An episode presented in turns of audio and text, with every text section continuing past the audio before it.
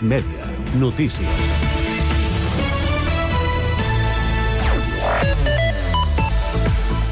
Salutacions. Sant Cugat és la ciutat catalana més jove, amb una mitjana de 39,9 anys. El municipi és l'únic de Catalunya que baixa dels 40, segons les dades del 2022 de l'Institut Nacional d'Estadística. De fet, també és una de les ciutats del país amb una taxa de natalitat més alta i més de 17.200 santcugatencs tenen menys de 15 anys. Malgrat aquestes dades, els indicadors referents a la fecunditat i la natalitat del municipi cauen any rere any des de fa dues dècades. Un dels senyals més evidents és la la del nombre de naixements. El 2022 van néixer 751 santcugatencs, la xifra més baixa des de 1998. La primera escola de l'escriptor, emprenedor social i activista educatiu Borja Vilaseca obrirà portes al curs vinent i ho farà a Valldoreix.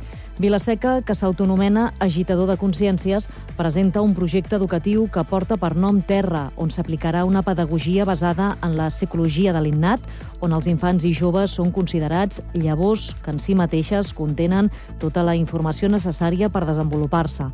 Vilaseca ha explicat a Cugat Mèdia que l'Escola Terra és un centre privat homologat pel Departament d'Educació que començarà el curs 2024-2025 amb alumnes d'infantil i s'anirà ampliant cada curs amb l'oferta oferta fins a primària, secundària i batxillerat.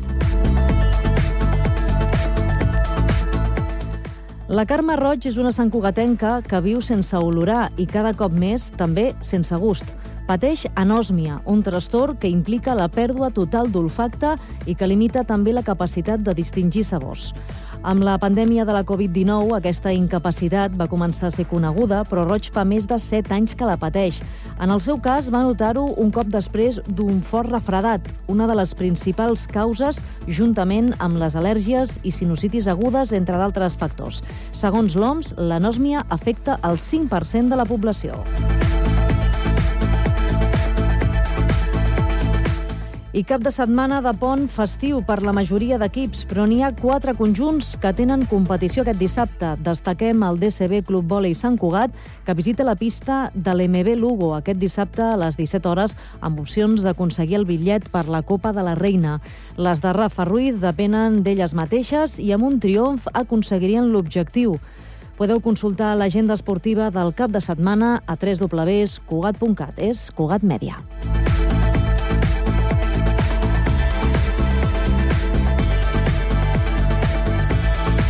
Cugat Mèdia, la informació de referència a Sant Cugat.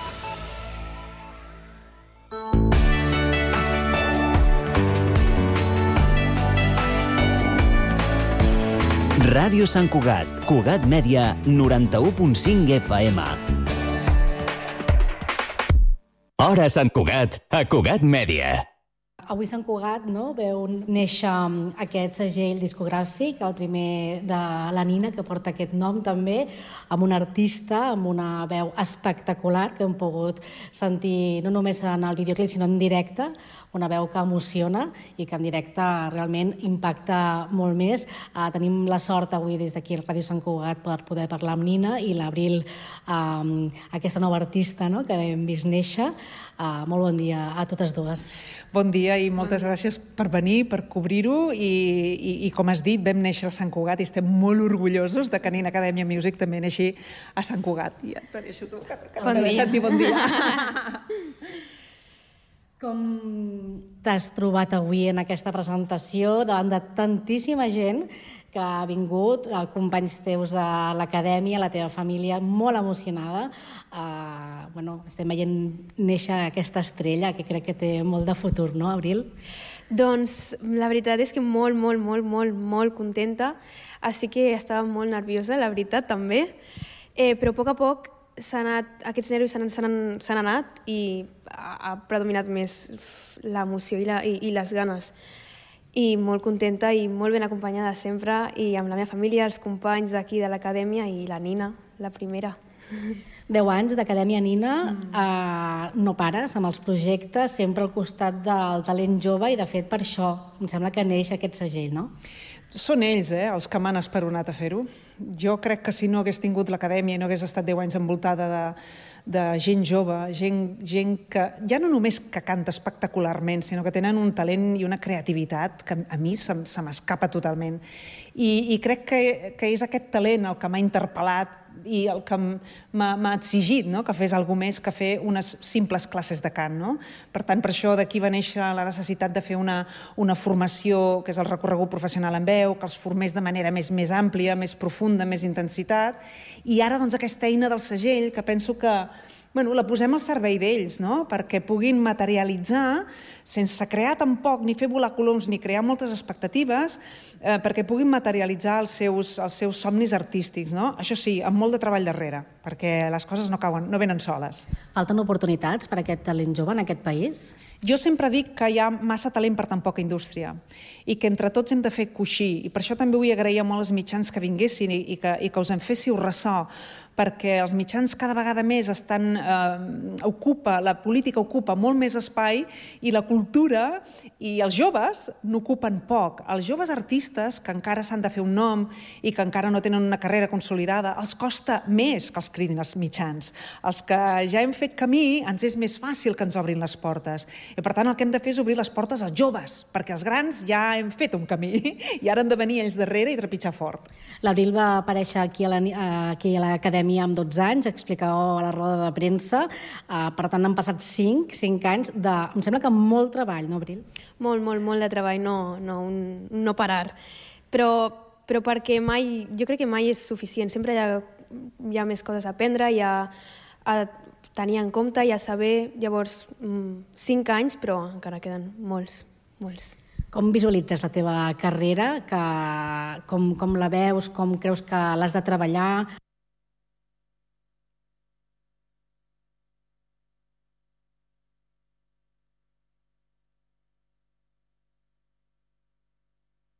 Cugat Ràdio 91.5, la ràdio de Sant Cugat.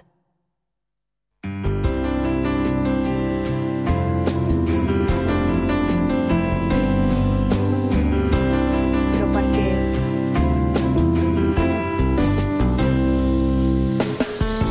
Vull dir, Amb la cançó que conegut avui, eh, tu l'has compost, eh, també eh, t'han ajudat, no? La, la part productor, la producció és del Germans Ten. Um, com recordes tota aquesta feina eh, de, que per veure avui néixer aquesta cançó? Com, com és aquest treball? Doncs un camí molt llarg que es veu resumit en 4 minuts de cançó i en 4 minuts 5 de, de vídeo, eh, però sí, molt llarg i en, és meva, és la, com la primera cançó que, que composo jo sola perquè el, el meu pare, doncs, amb el meu pare sempre ha escrit cançons i, i tal, però és la primera cançó pròpiament meva.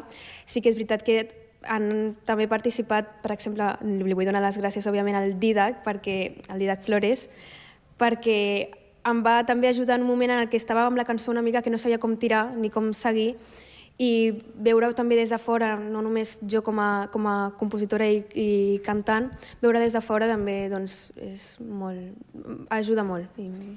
I què ha significat, uh, última pregunta, la, la Nina per tu, perquè hem vist que estàs agraïda i que abans has dit una cosa molt maca, que és que és casa, la Nina. Sí, la Nina, la Nina és casa i és seguretat, confiança i, i molt de suport i per mi, des del minut zero en el que la vaig conèixer, fa cinc anys, més o menys, ha sigut això. Mm, I, i sí, és que no, no, no trobo altres paraules que puguin expressar tot el que aquests cinc anys hem viscut les dues juntes. Mira, jo ho agraeixo molt, aquestes paraules, però no té massa mèrit perquè l'únic que faig és allò que a mi m'hauria agradat que em fessin quan jo vaig començar amb 16 anys i no vaig tenir. Vaig tenir els meus pares, que és el més important. Vaig tenir el seu suport i vaig tenir els seus peus ben posats a terra que em van mantenir els meus. Però no vaig tenir ningú que m'orientés en certes coses que són fonamentals per obrir-se camí. No? Aleshores, no faig altra cosa que fer allò que sé que és necessari, perquè, clar, 40 anys són molts i hi ha molta experiència darrere, però és meravellós sentir-se tan, tan extraordinàriament útil posant aquesta experiència al servei d'aquest jovent. Sous veu platòriques, enhorabona per aquesta feina i gràcies. per molts anys. Moltes, Moltes gràcies. gràcies, moltes gràcies. Hora Sant Cugat, a Cugat Mèdia.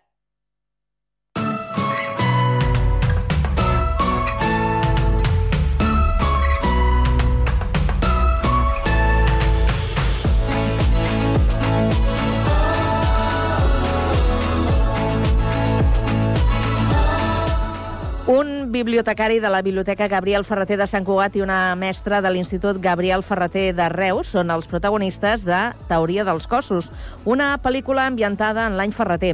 El santcuatenc Joan Ramon Armadàs dirigeix eh, aquest film, la seva primera experiència, davant d'un llargmetratge que s'estrenarà el 27 de desembre als cinemes.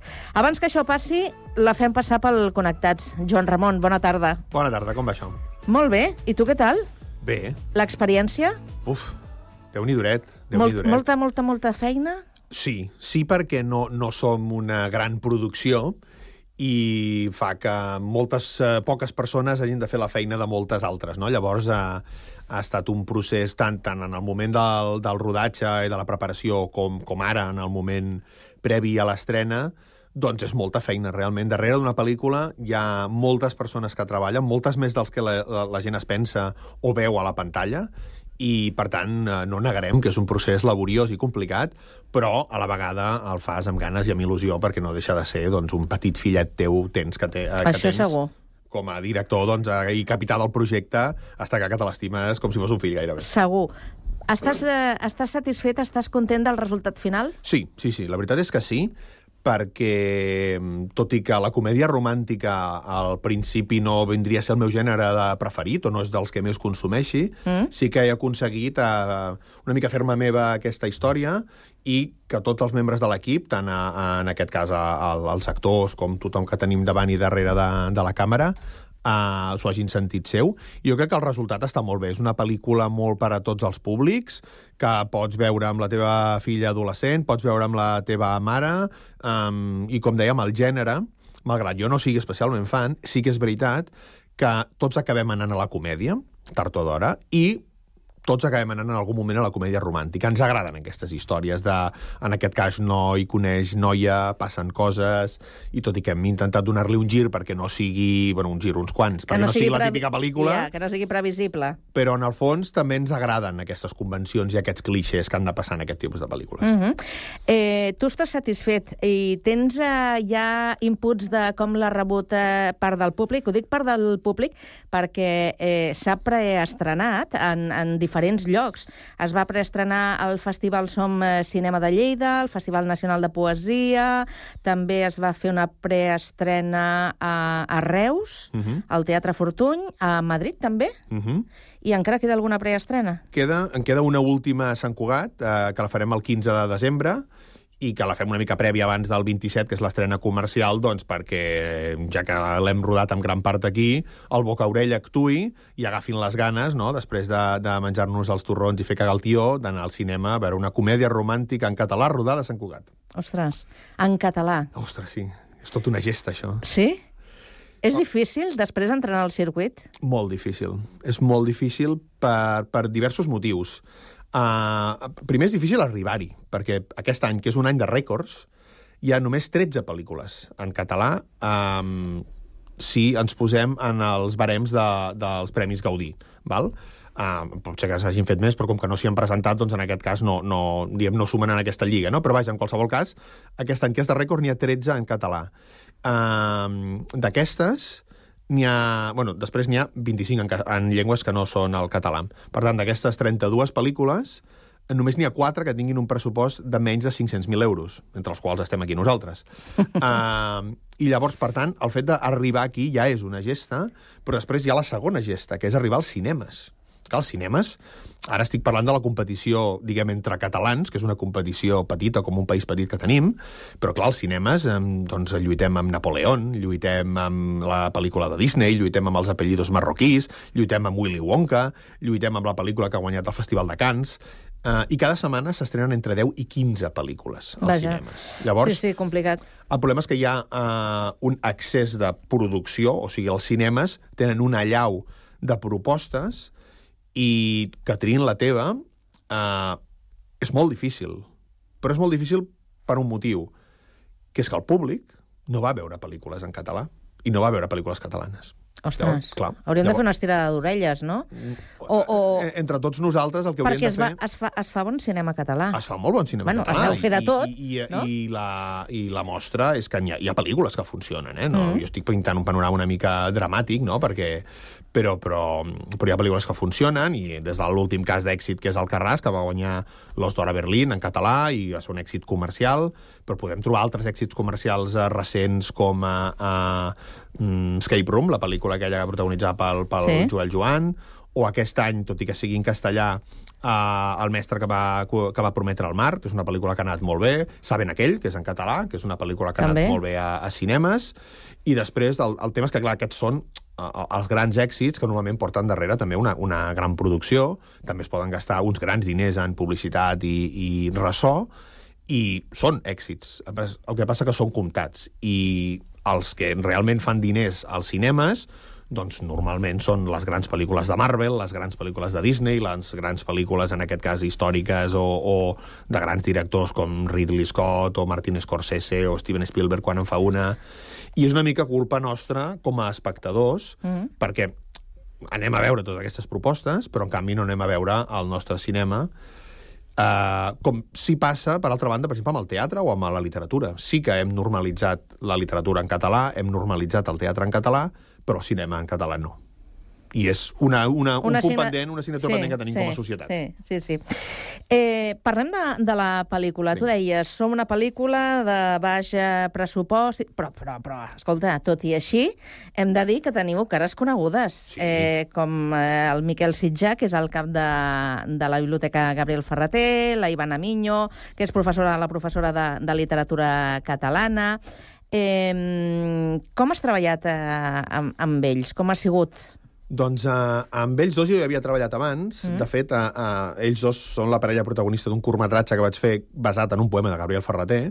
Llavors, d'alguna manera, van voler donar continuïtat a... No, no a la història, perquè és una història totalment diferent, però sí una mica al projecte, no? Amb el Miquel havia fet molts curtmetratges i moltes coses abans, i amb la Ivana només aquest. I veient aquest curtmetratge, que es diu La dona i els dies, uh, van veure que en pantalla tenen una química especial d'aquesta que, que no la pots planificar. Tu quan fas una tria, en aquest cas de càsting, doncs mira, saps que seran bons actors i que faran el millor d'ells, però hi ha una cosa amb la qual no pots comptar, que és que en pantalla junts funcionin i es generi aquesta, no? aquestes espurnes, no? aquest foc que, que genera i que és tan necessari per una, per una comèdia romàntica. Tots dos van, es van tirar de cap a la piscina amb aquest projecte. Com que ja et dic, ja havien fet alguna coseta amb mi, ja sabien de, de quin peu calço. I la veritat és que mm, en pantalla estan esplèndids, que haig de dir, no? Però, no? però no ho dic jo, i abans em preguntaves per les reaccions del públic, el, el, Mm. els pocs passis que hem fet fins ara, la veritat és que la gent surt molt contenta del cine, riuen en els moments que han de riure i després té una part de la pel·lícula de reflexió no? i de, que va més enllà de la, de la comèdia que jo crec que també hi combreguen, no? I això, doncs, parlant després, a, a fent allò, el, el, els col·loquis que hem fet després d'aquestes projeccions, o després amb els que coneixes fent una cerveseta al bar, et comenten això, no? doncs que és una, una pel·lícula molt, molt, molt transversal, de que la pot veure tothom, i malgrat no haguem inventat res, sí que mm, és fàcil que agradi i és fàcil de recomanar. No hem explicat la història, eh? No. A veure, la història, bàsicament comença aquí al costat de- d'aquesta ràdio, al, al monestir de Sant Cugat, Uh -huh. on els dos personatges, a- el, el personatge del Miquel i el de la Ivana, es coneixen en una projecció de curtmetratges de poe... o sigui, curtmetratges basats en poemes de Gabriel Ferreter. Això sí que O totalment sigui que tenen coses reals. en comú.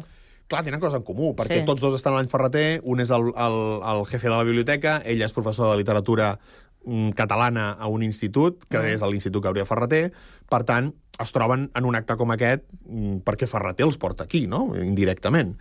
Uh, aquí tenen una primera trobada, no?, de informal, jijijaja, i després, casualment, en un altre acte relacionat amb Gabriel Ferreter es tornen a trobar. I aquí sí que ja comença la història, no? comencen a veure de, ostres, aquesta no és només una noia que m'he trobat aquí, no? Podem tenir moltes coses en comú. Comencen a sincerar-se i llavors ja es veu ja que hi ha un interès. Uh, I a partir d'aquí, uh, la, nosaltres la pel·lícula la, la veiem més a través del punt de vista d'ell, de, de, del Miquel Sitjà, del personatge del Miquel Sitjà, intenta convèncer un amic perquè vagin a una tercera trobada de Ferreter, que segur que vindrà, i a partir d'aquí doncs, eh, es desenvolupa la trama. No puc explicar més, perquè si no... No, no cal. No No, cal. cine. No cal. Hem parlat d'actors, però encara hem de continuar parlant de, de més actors i actrius, perquè també has fet servir eh, actors i actrius a Sant Cugatencs. de casa. Sí, i tant. I, a veure, dic, Francesc Orella és de casa. És de casa, és encara que sigui tan popular. Sí, sí, sí. Però també hi ha la Gisela Figueres, la nostra estimada Isabel Castro, I tant. coneguda al Connectats per totes les seves col·laboracions, i la Maria Xinxó. Sí, sí. Home, uh, altres coses no, però com que jo Sant Cugat més o menys me'l conec, no?, per, per altres uh, afers de la vida periodística, mm. Uh, jo he volgut que Sant Cugat sigui, sigui molt present. Però això no és només el paisatge, diguem no és només les localitzacions, sinó també, També, mhm. uh, en aquest cas, uh, el, els talents locals. Uh, la Gisela, en aquest cas, fa un, fa un paper mm, petit, que és el de la regidora de Cultura. Ah? Eh, Me la imagino. Sí, sí, no, ho fa molt bé. A més, té, té, uh, quan surt té, té, té uns moments uh, molt, molt còmics. I el Francesc Orella surt fent d'ell mateix. I la Maria Xinxó surt fent d'ella mateixa. Ah, La Maria curiós. Xinxó, al, a la primera escena, és la que està presentant aquests curtmetratges de Gabriel Ferreter, com si fos una periodista més, que es diu Maria Xinxó i que presenta actes, i en Francesc Orella, en aquest cas, representa que fa una lectura d'un poema ambientat a les lectures de la fresca i surt ell sent Francesc Orella i llegint Gabriel Ferreter. Són, són dos, bueno, en aquest cas tres, si sumem el de la, el de la Gisela, aportacions petites a la pel·lícula, però que a mi em, fa molta il·lusió perquè doncs, això són, són persones molt vinculades a, a Sant Cugat i perquè tots tres estan fantàstics en les seves facetes. Mm -hmm. I també he de dir, perdona, hi ha més aportacions santcugatenques. En aquest cas, el, el muntador és Roger Comella, que també és eh, director, Ah. guionista i muntador santcugatenc, que vull dir que també hi tenim més aportacions. A part de les localitzacions que, que parlaves, però no tota la història es desenvolupa a Sant Cugat. I tens diferents... Eh, hi ha diferents escenaris i que volten per eh, diferents punts del, del territori, no? L'altre gran escenari és Reus, com no podia ser d'una altra manera, Mhm. que són les ciutats on va néixer Ga- Gabriel Ferreter, a Reus, i va morir a Sant Cugat. Doncs Reus és l'altre gran punt de la història, perquè així com ell viu a Sant Cugat, ella viu a Reus. Llavors hi ha tota una segona part de la història que es desenvolupa a, a Reus, concretament a l'Institut Gabriel Ferreter de Reus. Ella és professora de literatura, el personatge de la Ivana, eh, té l'optativa de literatura catalana, amb vuit eh, valents que al segle XXI s'han apuntat a fer literatura catalana a segon de batxillerat. té aquests moments de la classe, no?, de que si la noia és rebel, la que, ostres, s'inspira amb la poesia, vull dir, tenim una mica el personatge que eh, nosaltres amb carinyo els hem definit com els ferretins, no? Són els teenagers de, de, Ahà. de Ferreter. I eh, ella també té allà el seu grup d'amigues, no? Llavors, eh, Reus és el segon gran escenari on passen eh, gran part de la I, història I de... tens dos més, tens dos més, que a mi m'encanten. A veure, quins? Vic Vic i Roda de Barà. i Roda de Barà. Sí, sí, sí. Sí, sí. I, i, i n'afegiré un altre, que és el Penedès El Penedès. que també té unes escenes molt xules a les vinyes, on també hi ha un acte de Mm. poesia. És la tercera trobada aquesta que et deia. Passarà entremig de les vinyes, amb vins i cançons i uh, tot un escenari molt idíl·lic. A Vic, concretament, vam rodar enmig de- d'un festival de cine, al mig del Festival de Cinema Oriental de, de Vic. Ah, sí? Sí, a un dels personatges li agrada el cinema oriental i vam dir, a veure, quin festival de cine coneixem, que hi hagi a l'estiu, que conegui, que ens tractin bé i que més jo hi he anat i sóc eh, molt fan, i vam dir, "Anem, que truquem al Quim, que és el director, el Quim Cruselles, director del Festival de Vic, escolta, et sembla si venim a rodar una pel·li aquí al mig del merder? Vinga, mentre no eh, Sí. m'interrompeu al festival, No em destorotis. El... aneu posant la càmera, aneu posant els actors i, i, i aneu fent. I a Roda què vas fer? I a Roda de Barà vam eh, rodar al Museu de la Ràdio, concretament. Oh, Sí, sí. que xulo. Uh, buscàvem un lloc on, on una sala de projeccions, justament per, una, per la segona trobada que tenen els personatges, de Mm. curtmetratges relacionats amb Ferreter, i allà també teníem bons contactes, i a més teníem una cosa que necessitàvem uh, que passés després, que és una platja.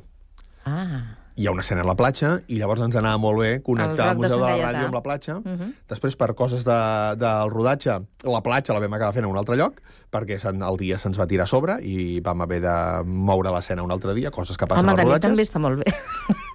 Sí, però la platja... Ten, teníem Ja, ja, previst ja, fer-ho ja. tot el mateix dia, eh? però Ja, com ja. els rodatges, eh, com els problemes del directe que passen també a, a la ràdio, doncs moltes vegades no, no pots preveure-ho tot eh, que passi 100% com tu volies, i vam acabar fent la platja de Roda de Barà a Castelldefels.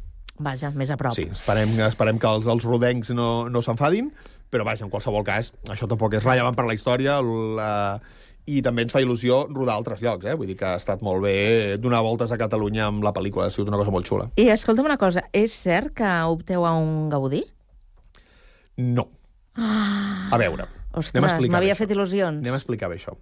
Uh, de fet, pot ser. Estic ara trencant una mica la màgia de la ràdio. Uf. Però les nominacions dels Premis Gaudí se saben el dia 12 de desembre. Val? Quan estem gravant això no és 12 de desembre, per tant no sé si estarem nominats a moltes coses o no. El que sí que sé ara és que som eh, candidats. Què vol dir ser candidats? Vol dir ser nominables, vol dir que entres a la llista de pel·lícules que els acadèmics consideren per acabar estant nominades. Per tant, amb aquesta llista estem.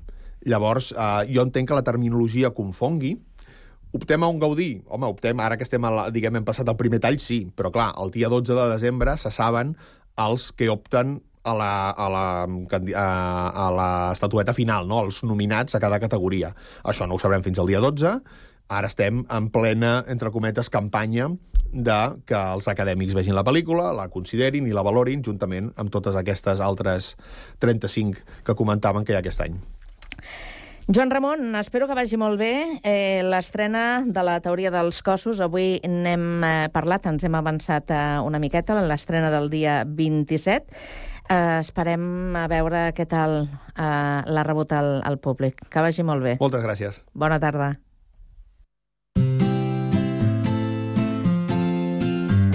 Aquest Nadal confia els teus àpats a Teca Sàbat, plats preparats amb productes frescos i de primera qualitat. Des dels plats de tradició nadalenca fins als més elaborats amb una àmplia gamma on triar el que més s'adapta als teus gustos. Sorprèn els teus i gaudeix del plaer de convidar i no cuinar amb Teca Sàbat. Teca Sàbat. Ens trobaràs a la Rambla Ribatallada número 26, al passeig Francesc Macià 87 i a un clic a tecasàbat.com.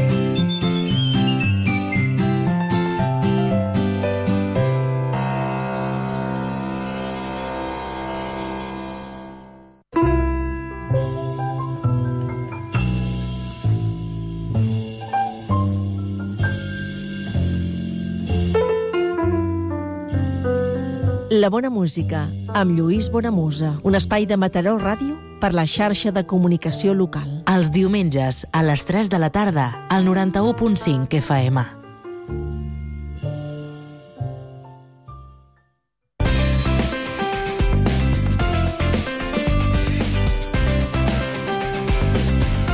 Ràdio Sant Cugat, 91.5 FM.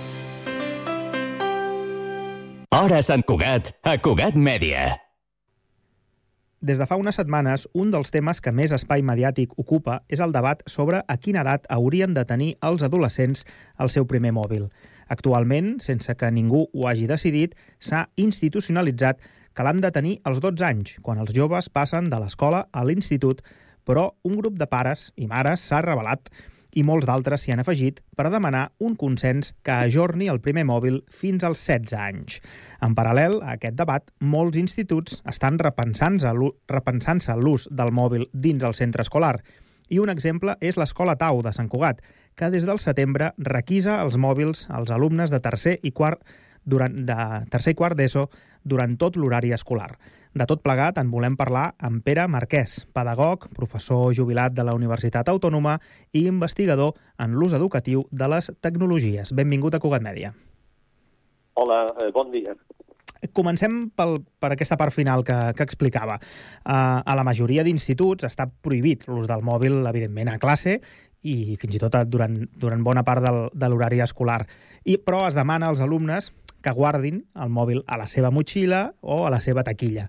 Però els professors admeten que costa fer complir aquesta, aquesta norma que tenen molts centres. Està d'acord amb aquells instituts que van una mica més enllà i fan com el Tau, que directament guarden els mòbils els professors en, en armaris que custodien eh, això, els mateixos professors? Miri, és, uh, és una de les possibles opcions que tenim. A veure, primer de tot hem de centrar el tema. El, el mòbil que és un dels tipus de dispositius digitals que avui en dia tenim, és una eina extraordinària per fer moltes coses, per aprendre, eh, per distreure'ns també. Per tant, eh, és una eina que des de ben joves i de forma tutelada convé utilitzar. No podem deixar d'utilitzar. Però una cosa és utilitzar-ho de manera tutelada quan cal a, a l'escola, a casa, on sigui, i una altra forma és fer-ne un ús eh, en qualsevol moment, de qualsevol manera, I això és el que hem d'evitar. I per això és per lo que l'Escola Tau, com d'altres, prenen mesures perquè l'ús del mòbil i altres dispositius digitals es realitzi adequadament amb la finalitat d'aprendre. Uh -huh. um, L'argument que ens expliquen des, de, des del Tau és que doncs, els alumnes, clar, amb el, amb el mòbil es distreuen, baixa el seu rendiment, i fins i tot, la, recordo que la directora del Tau ens deia que, que els està funcionant, és a dir, portaven tres mesos amb aquest sistema i que els alumnes fins i tot ho agraeixen perquè em deia, i em va fer gràcia, que diu com que saben que ningú té mòbil, no tenen la sensació que s'estan perdent res, que hi ha converses en les quals ells no hi són, etc. no? Eh, és, és curiós, no?, que sigui eh, en part també per això, no? Sens dubte, eh, sens dubte aquest és un element important. Com ningú té mòbil, pues, eh, no el troben a faltar tant. De totes maneres, vull incidir en què, eh, en primer lloc, penso, pensem, que els dispositius digitals s'han de començar a utilitzar des de ben aviat, des de ben petit, però, insisteixo, amb la tutela dels pares, del professorat, perquè són unes eines magnífiques bàsicament per fer quatre coses. Una d'elles és aconseguir informació i aprendre. No hi ha dubte de que els ordinadors, les tauletes i els mòbils són una font magnífica per fer exercicis, per informar-te de coses, per llegir. La segona és per comunicar-se. Sabem que des del mòbil per veu, telèfon i tal, o els altres dispositius a través d'altres mitjans que hi ha, el mail, etc, ens serveixen per comunicar. Val, no està malament. La tercera cosa és que serveixen per divertir-nos, per escoltar música, per veure pel·lícules, per fer jocs, magnífic, tercera.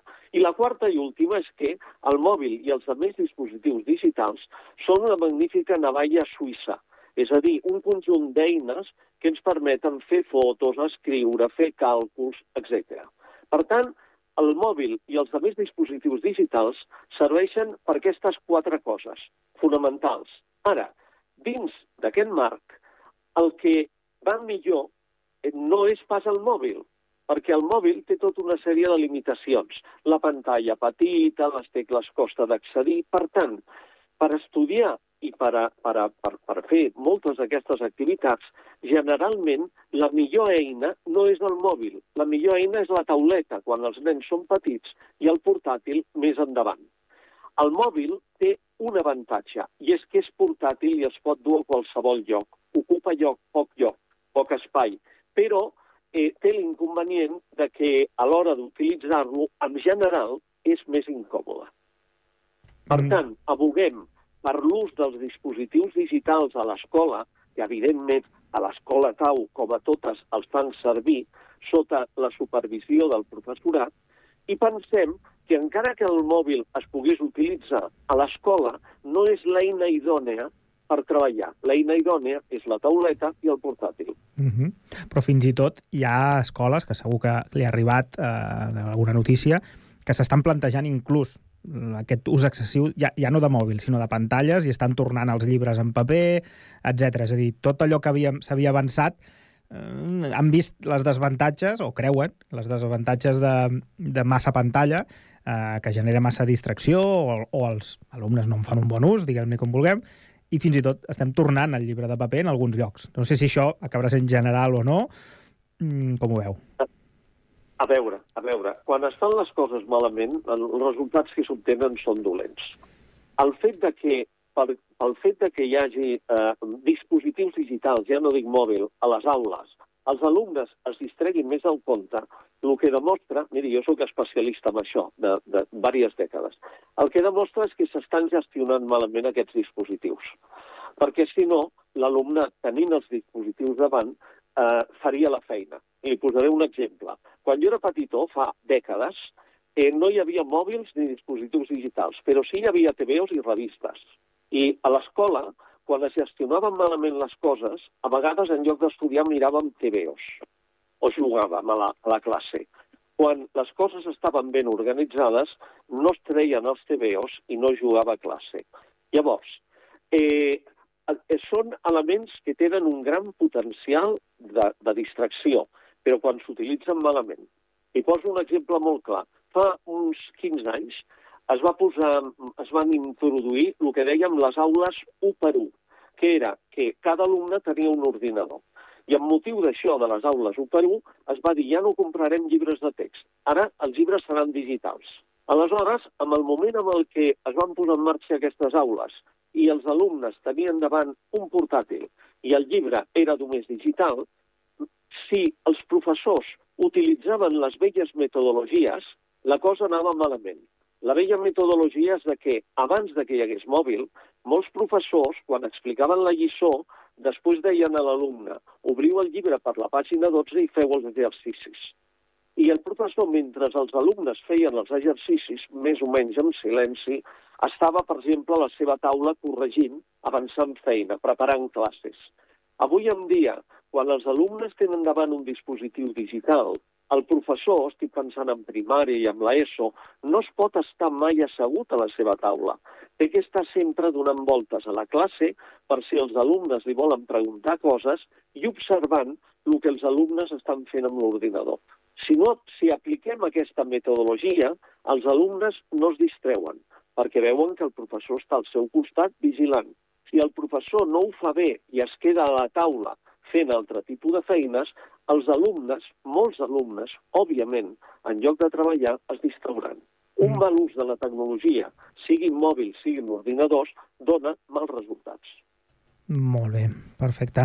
Doncs parlem ara de l'altre debat que s'ha generat darrerament, eh, diríem que, que, va en paral·lel amb aquest que hem parlat ara, no? de l'ús de, a les aules de, del mòbil o dels dispositius electrònics, que és a quina edat s'hauria de tenir el primer, el primer telèfon mòbil per part dels adolescents. Com deia jo a la introducció, una mica, de, no sé si de manera natural o no, s'ha acabat institucionalitzant el, els 12-13 en el sentit de que és el pas a l'institut, um, però i, i ara hi ha pares que parlen de no, no, prohibir-ho fins al 16 i que sigui un consens entre tots, etc.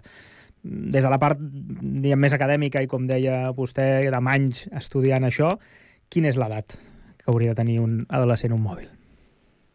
L'edat, eh, més que l'edat, és quan hi hagi necessitat.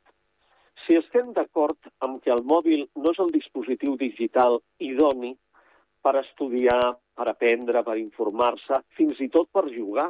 No és tan còmode com una tauleta, és millor per jugar i un portàtil. Eh, per què el mòbil? A veure, quina necessitat tenim de fer servir el valor afegit del mòbil, que el valor afegit del mòbil és que el dus a la butxaca tot arreu. I a més a més, sí, home, per, per tenir una conversa oral, doncs sí, és, és potser millor. Però per tot el més no és millor.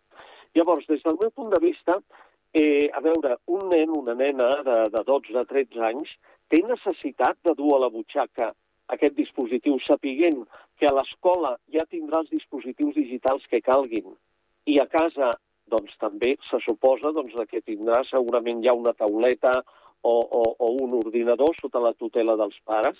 Realment li cal dur aquest mòbil a la butxaca per estar sempre amb el mòbil? Um, aquesta és una reflexió.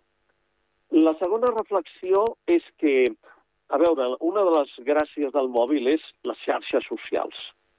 A Europa, l'edat recomanada per poder tenir una xarxa social són 16 anys i deixen un marge entre 13 i 16 perquè cada país decideixi. Espanya estem entre els 13 i els 14. Aleshores, eh, bé, si amb el cas de les xarxes socials, perquè, a veure, i per què es diu que abans no?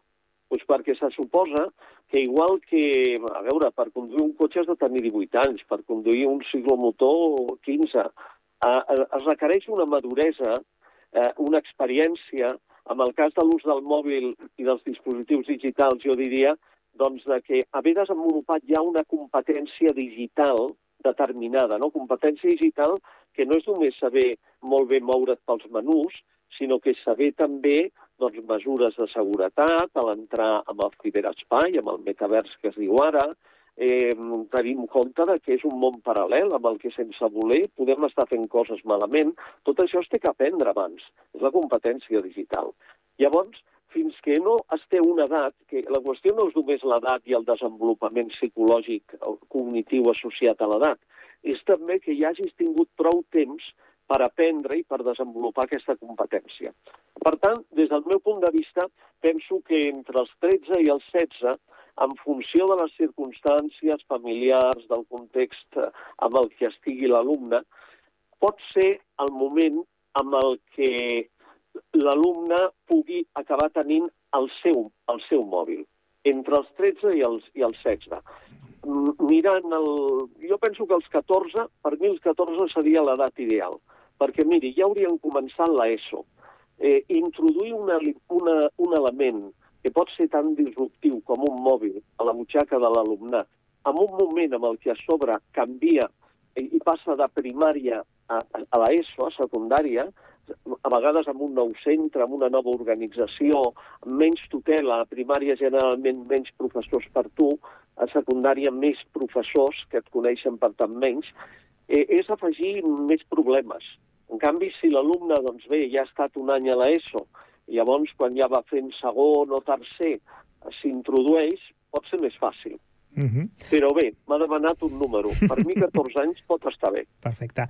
Uh, ho dic perquè el, hi ha gent que el que diu, o pares, diríem, d'aquests preocupats, que diuen um, el problema en si no és el mòbil, ja que hi ha pares que, bueno, que són més patidors, ara les generacions nostres són, són més patidors i vols que un arribi a casa que t'avisi o que et truqui, saber que ha arribat a casa perquè ja es mouen sols, van a l'escola sols, tornen al migdia quan els pares encara no han arribat a casa de la feina, etc. I hi ha un cert d'allò que diuen que potser el, que, el mòbil per comunicar-se sí, però potser el que no cal és l'smartphone amb accés a internet, xarxes socials, etc. No? Diferenciar el que deies abans, no? de la comunicació estrictament amb, amb la resta de funcions que t'ofereix un mòbil. Efectivament. Eh, a veure, l'element necessitat.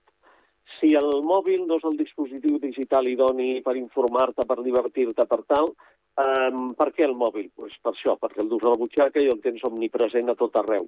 Quan necessita algú tenir això a la butxaca? Si en el cas de determinades famílies, per determinades circumstàncies, a veure, fes falta els 10 anys, doncs posem-li els 10 anys a la butxaca i això sí, mirem de prendre mesures perquè l'ús que es faci, com vostè diu, doncs estigui més centrat en la comunicació. I sobretot, ajudem el nen a la nena a desenvolupar una competència digital que li permeti saber que, cuidado, que el mòbil, igual com passa amb l'electricitat i els endolls, cuidado, no posis els ditets a dins de l'endoll, no miris el sol de cara. El mòbil t'entra en un món, el ciberespai, que està ple de perills també, com el món físic. I aquests perills l'alumne, el nen, la nena, els té, que, els té que conèixer per evitar de que, a vegades sense voler, es trobi al mig d'algú que li pugui fer mal. O pugui ell o ella fer mal als altres. Mm -hmm. Molt bé, perfecte. Fins i tot també hi ha, hi ha altres pares diguem, la, la versió contrària no? d'aquest debat ara dels, dels 16 anys, etc que diuen que, que aquest moviment de, que parla de la prohibició va més enfocat a, ostres, és que educar, estar a sobre, um, és molta feina, els pares no tenim feina i ens és més fàcil prohibir. I ja està. I ens estalviem problemes, eh, etc. En, en lloc de, no, no, posar allò, el control parental, eh, portar un control, és a dir, que, que vigilar que el teu fill en faci un bon ús, això porta molta més feina que prohibir-lo directament. Sí, però prohibir és eh, normalment menys eficaç. Eh, i, I a veure, l'escola, penso jo que, que, que l'escola, sobretot la primària i l'ESO, l'etapa obligatòria, no és només una escola de nens i nenes, eh? és una escola també de famílies, sobretot en els indrets on hi pot haver famílies culturalment més desfavorides. Eh, L'escola, a veure, té un paper fonamental amb, entre cometes, la formació d'educació dels pares. I, a més a més, el professorat té, té o hauria de tenir clar que quan més ben preparats estan els pares per educar els fills, menys problemes tindran a l'escola dels fills, perquè els pares seran realment uns aliats. Llavors, si els pares, amb el tema dels mòbils, amb el tema d'internet, de lo que sigui, necessiten suport, l'escola, a més a més de fer reunions de pares per informar com van els nens, hi ha d'haver una mica d'escola de pares i dir, escolta, cada trimestre, doncs mira, muntarem un parell de dies un curset sobre coses que us interessin, doncs sobre com gestionar no sé què amb els fills, sobre com moure's per internet, sobre com preparar els mòbils perquè a determinada edat eh, es redueixi el, el risc als seus fills. Molt bé, perfecte. Doncs moltes gràcies, Pere Marquès, investigador en l'ús educatiu de les tecnologies, pedagog i professor de la Universitat Autònoma. Gràcies per atendre Cugat Mèdia. Molt bé, moltes gràcies a vosaltres. Adéu-siau. No és el mateix ser els integrants del millor grup de la història que ser el millor grup de la història. Per això, el grup català Occident serem Occident, perquè per continuar assegurant-ho tot, tot i tot, ens havíem d'ajuntar tots, tots i tots. Entra a seremoccident.cat. No és el mateix ser els integrants del millor grup de la història que ser el millor grup de la història. Per això, el grup català Occident serem Occident, perquè per continuar assegurant-ho tot, tot i tot, ens havíem d'ajuntar tots, tots i tots. Entra a seremoccident.cat. Alexa, abre Radio San Cugat. Bienvenido a Radio San Cugat Cugat Media. ¿Qué quieres escuchar? ¿Radio en directo o el último boletín? Cugat Media estrena skill per poder escoltar Ràdio Sant Cugat des d'Alexa. Per exemple, l'actualitat de Sant Cugat. Alexa, pide a Ràdio Sant Cugat el último boletín. Escuchando el último boletín de Radio San Cugat. Cugat.cat Notícies. I també la ràdio en directe. Alexa, pide a Ràdio Sant Cugat la ràdio en directo. Escuchando en directo Radio San Cugat. L'artista local defineix la situació com a dura perquè...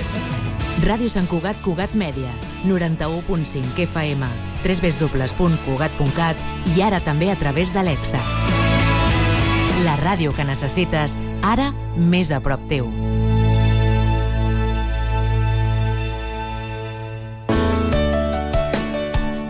Ràdio Sant Cugat. www.cugat.cat Les veus de la ciutat a Hora Sant Cugat. Continguts en xarxa.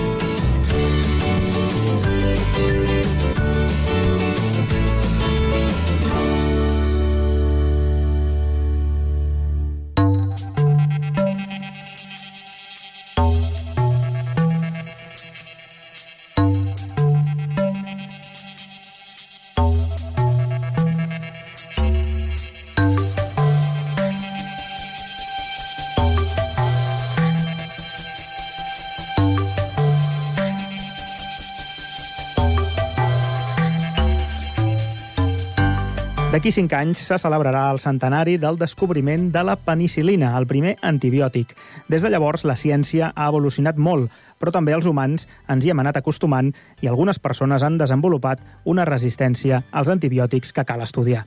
Per aquest motiu, fa 10 anys, Mutua Terrassa va impulsar el programa d'optimització de l'ús dels antimicrobians, PROA, i aquest novembre s'ha celebrat les primeres jornades multidisciplinars d'actualització en el programa PROA.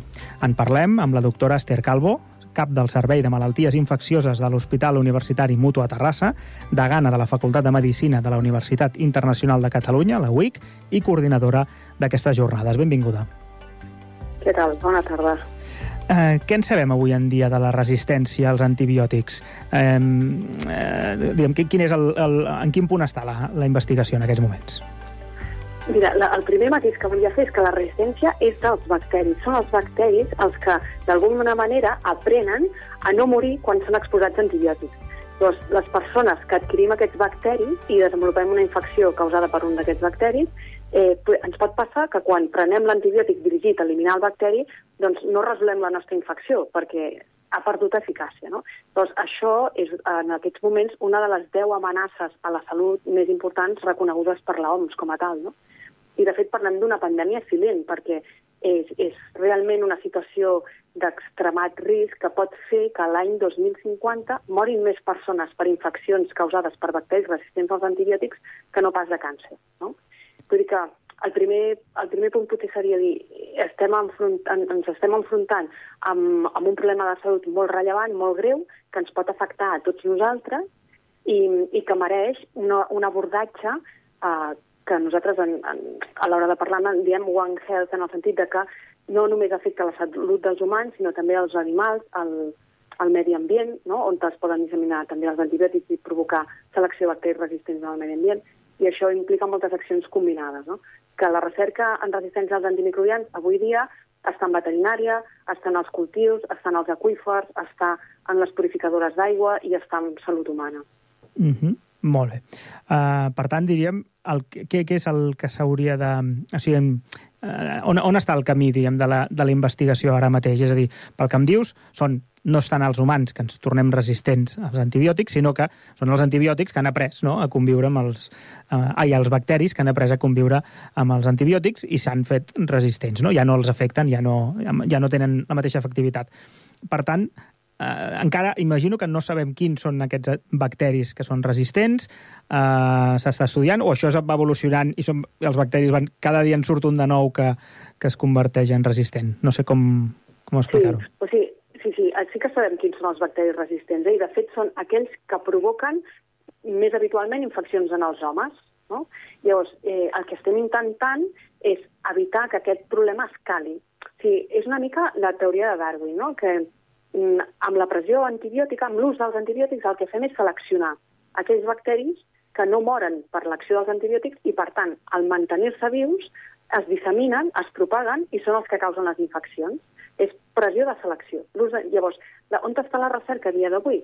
En limitar l'ús dels antibiòtics a aquelles situacions estrictament necessàries, tant en ramaderia com en, mm, com en la producció, quan les pròpies indústries productores d'antibiòtics no allibera antibiòtics al mig ambient, no? com el que fem servir en, en humans, intentar fer-ne un ús molt racional, molt adequat, molt optimitzat per evitar aquesta pressió de selecció i evitar la disseminació dels bacteris resistents. No? Doncs aquí està una mica, la, a dia d'avui, la, la recerca. No? I les jornades que hem viscut a, a Mútua, el que intenten, el que hem intentat enguany de forma molt pràctica és posar sobre la taula i disseminar entre els professionals quines són les estratègies eficaces. No? I hem fet unes jornades molt pràctiques per intentar ajudar al, els metges, enfermers, farmacèutics que estem en l'àmbit sanitari lluitant contra la resistència dels antibiòtics, a tenir eines útils que impactin realment i que disminueixin aquestes taxes de resistència. Mm, perquè precisament els, les persones diguem, que estan a primera línia d'atenció de, de, de la gent, tothom està prou format i és conscient d'aquesta problemàtica. Ho dic perquè li poso un exemple. Jo vaig tenir un conegut que fa poc em va explicar que va estar 15 dies ingressat a l'hospital, semblava, pensava que tenien un flamó al queixal i en realitat diríem, era una bactèria que era resistent i van estar dies subministrant-li diferents antibiòtics fins que es van adonar que eh, doncs, que això, que, era, que, que aquella bactèria era resistent i després van abordar-ho d'una altra manera, però ho va passar malament i li va anar d'un pèl. Llavors, no sé si és... Diguem, això està prou implantat en la clínica diària o el coneixement? Sí, o sigui, l'antibiòtic, a diferència d'altres fàrmacs, el pot prescriure qualsevol metge qualsevol àmbit en qualsevol moment. No, no tots els no tots els metges prescriuen quimioterapèutics, no? només els oncòlegs. O no tothom opera el genoll, només els traumatòlegs, però amb oxicilina clavolànic el pot prescriure qualsevol metge, a qualsevol àmbit, i si et descuides, la veïna del costat, no?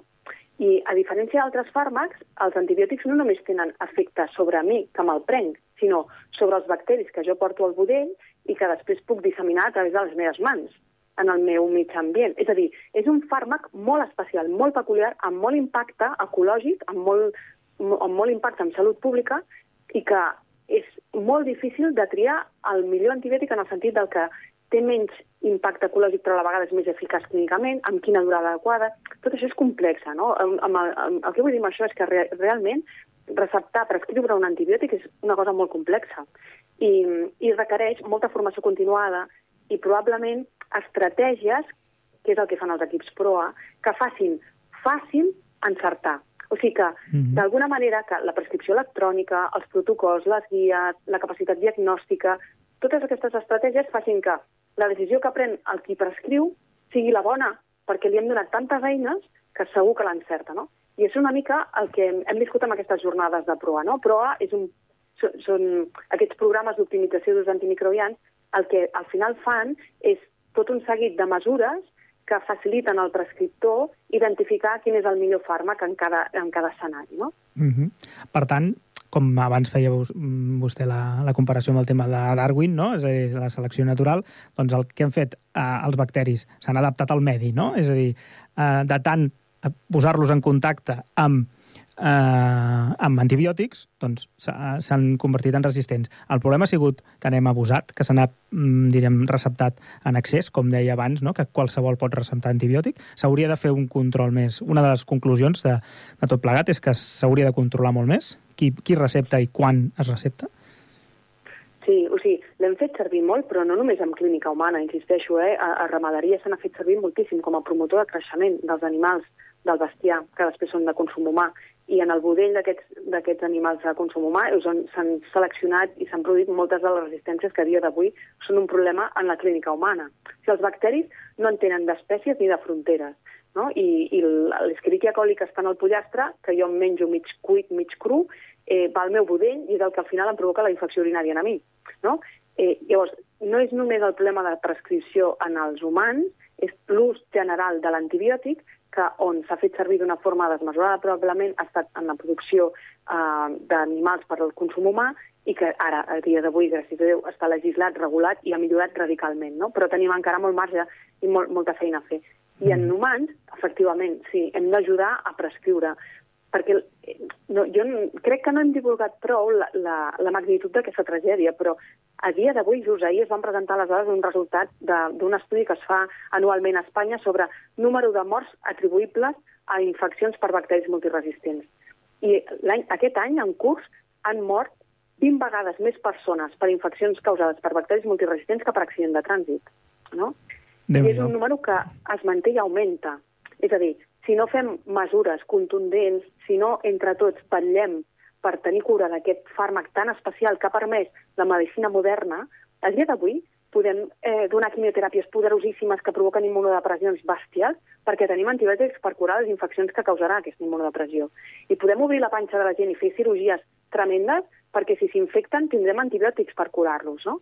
Vull dir, podem transplantar òrgans perquè aquests pacients que no tindran immunitat, quan facin una infecció tindrem antibiòtics per curar-los. Però si perdem els antibiòtics, tot l'avenç mèdic es veurà realment impactat, no?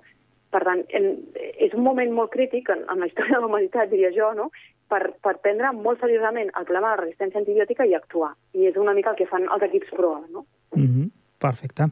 I en aquestes jornades, com, com hem parlat, doncs n'han pogut eh, parlar de manera profunda. Han sigut les primeres i m'imagino que, que n'hi haurà més perquè el, el resultat ha sigut positiu.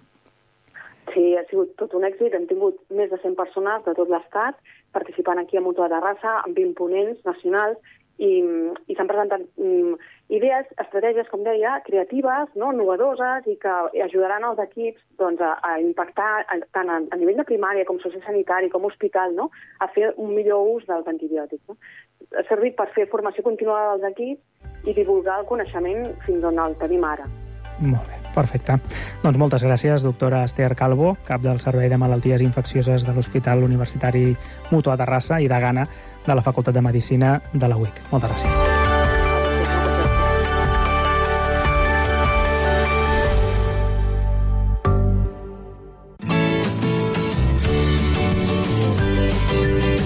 Continguts en xarxa.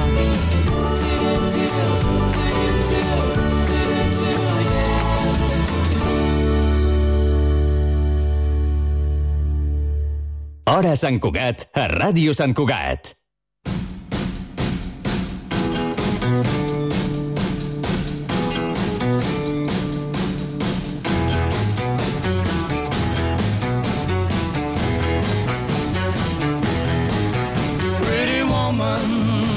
walking down the street, pretty woman, the kind I like to meet, pretty woman. I don't believe you, you're not the truth. No one could look as good as you. Mercy. Pretty woman, won't you pardon me, pretty woman? couldn't help but see, pretty woman.